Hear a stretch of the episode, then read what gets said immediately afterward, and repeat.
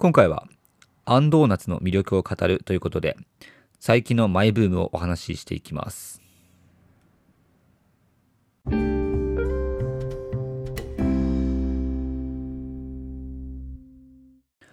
皆さんこんばんは。ヒロトのふらっと独り言。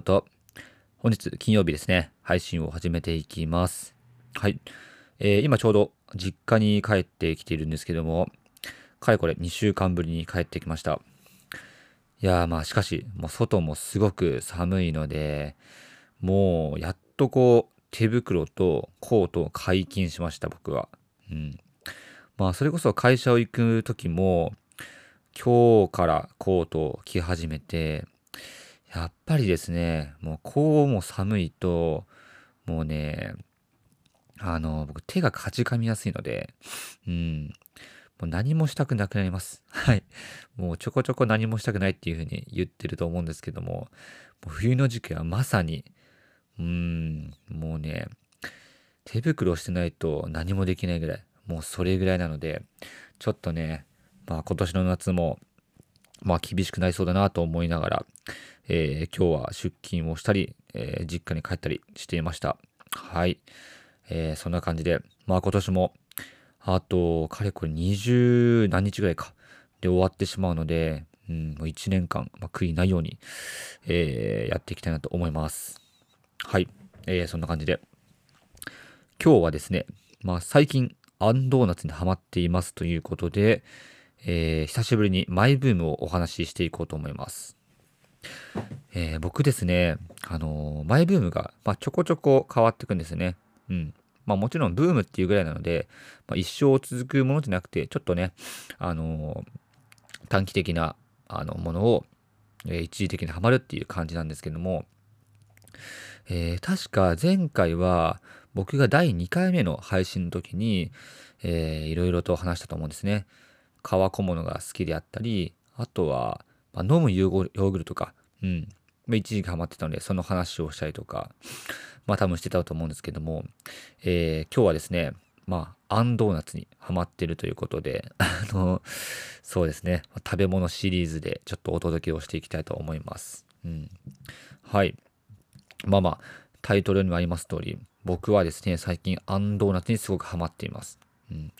で、きっかけは何かっていうと、えー、僕ですね、えー、まあ、実家に帰るときに、まあもちろん家から駅まで歩いていくんですけども、その駅近くに、コンビニがあるんですよね。ニューデイズ。はい。そこでいつも、あのー、小腹がすくので、えー、ちょっと一品買っていくんですね。うん。で、僕はすごく、あの、菓子パンが好きなので、菓子パンコーナーに行って、まあ、そこで毎回物色をしてるんですけども、えー、ある時ですね、ふと、えー、その菓子パンコーナーの中から、まあ、アンドーナツか、あったので、まあ、すごく懐かしいなと思いながらも、まあ、それを選んで買ったわけなんですね。うん。もうアンドーナツってなんか、僕的には、まあ、小さい頃にね、まあ、ちっこいドーナツあったと思うんですけども、あれを買って食べた、まあ、印象がすごく強くて、で、その時も、あの、すごくなんですかね、甘ったるくもないし、うん、なんか子供ながらすごく美味しいなって思った、そんな、えー、感想を持っていたので、まあ、久しぶりに、うん、ちょっと買ってみるかということで、本当にですね、うん、何年ぶりぐらいだろう。まあ、結構、えー、食べてなかったので、えー、買ってみたんですね。うん、で、そしたら、まあ、久しぶりに食べたら美味しいと。うん、まあ、そりゃそうですよね。もう、ただでさえ美味しいドーナツと、ただでさえ美味しいあんこが、まあ、ミックスするんで、そりゃ美味しいよと、あの、いうことなんですけども、まあ、その時に食べたのがすごく美味しくて、で、しばらく、えー、僕結構2週間、3週間おきぐらいに、まあ、家帰るんですけども、まあ、その時に、まあ、ちょこちょこ買ってたんですね。うん。で、あの、極めつけは、えー、僕ですね、その家に帰る時以外にも、まあ、外交でも、えー、たまにパン屋さん寄るんですね。うん。で、その時に、やっぱりパン屋さんの中には必ずあんドーナツがあるんですよ。うん。で、で、ちょうど、まあ、で、電車の、まあ、改札の手前ぐらいに、そういう、なんていうんですかね、あの、やっぱパン屋さんとか、あとお菓子屋さんとか、並んでる、よくなんか駅中にある、そういう、まあ、お土産屋さんとかあるじゃないですか。うん。まあ、そこがあったので、まあ、その一環で、えー、立ち寄ったんですけども、もうそこのですね、あんドーナツが、まあ、非常に美味しかったんですね。もうあんドーナツって、まあ普通はドーナツの中にあんが入ってる構造だと思うんですけども、たまに、えー、そのドーナツの外側にあの砂糖がまぶしてる、あの、もうレアなやつあるじゃないですか。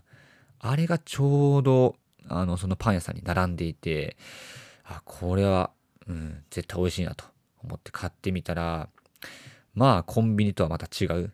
やっぱ手作り感、手作り感があるものだからこその、あのー、なんだろうな、他には真似できない味っていうのがもうすごくハマってしまって、うん。まあ、よく、まあ、ほっぺたが落ちそうになるっていうふうに表現あると思うんですけども、えー、僕はですね、ほっぺたが落ちました。うん。これは間違いないです。全然もふざけてないですよ。うん。まあ、それぐらいあすごく美味しかった印象があったので、そっからですね、もう最近はほぼほぼ毎日あんドーナツを食べてます。うん。おそらくこの1週間はずっと食べてましたね。うん。月曜から金曜日。はい。もう全然飽きないんですよね。うん、僕一回ブームに入るともう毎日食べても飽きない、まあそういう、まあ、人間でして、いや、本当にたまらないですね。もうあの味わいは、あの、えー、僕大学、えー、ちょっとぐらい、えー、1年ぐらいの時に、まあ、すごくみたらし団子にはまりまして、まあその時の感覚が蘇った、そんな感じです。うん。なので、えー、すごくハマったわけなんですけども、まあ、僕が思うですね、アンドーナツの魅力って、まあ、どこにあるのかというと、うん。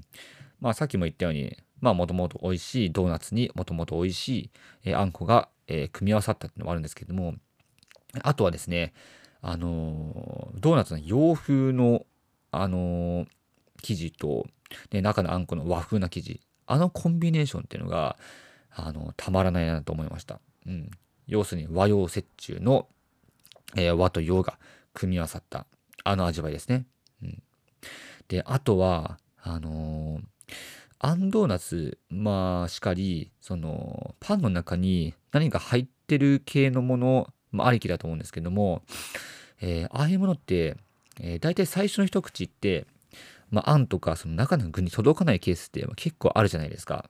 うん、僕は毎回そうなんですね。うん、結構狙って大きな口開けて食べるんですけども、もうあんこが出ているけども、その手前で一回、えー、一口目は食べると。なので、まあドーナツしか口の中に入ってないわけなんですね。うん、で、そうなんですけども、2回目以降はもうあんが完全に見えてる状態なので、もうどこからでも攻められる。いつでもあの攻撃する準備はできてる段階であんに食らいつくので、で、僕の場合はだいたい真ん中からもうパクリですね。はい。まあそういくと、もうね、全身に、あ、全身には、口の中全体に 全身だと気持ち悪いな。口の中全体にもあんがもうパーッとも広がって、あの、あの瞬間たまんないですね。だから、まあ二口目が一番、えー、満足度が高いです。はい。で、まあね、もちろん2、えー、二口目以降も、ね、まあ、どんどんどんどん進めていくんですけども、大体真ん中を食べると、もう左右があの開くんですね。なので、えー、真ん中が凸、ん？真ん中が凹凸の凹化になっていて、ちょうど、あのー、へこんでる。うん。ああいう感じなので、まあ、次に攻めるのはやっぱ右か左なんですね。うん。その左右を、えー、パクリと食べると。そしたらまた平坦に戻るので、また真ん中が食べると。うん。で、その繰り返しがもうすごく、あの、たまらないです。はい。で、あとはですね、あんドーナツって結構そこまで、えー、パンの中でも大きくないなっていう印象が僕はあって、うん。だからこそ、もう本当にすぐに食べられてしまう。うん。あの、なんだろうな、よく高級菓子とかって、えー、結構小さかったりするじゃないですか。うん。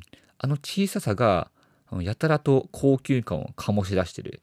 うん、それがね、あの、アンドーナツの一つの、あの、魅力かなと思ってるので、そうですね。なので、この3つですかね。うん。和と洋のコンビネーション。あと味わいの味の楽しみ方、そして、あのー大きさですね。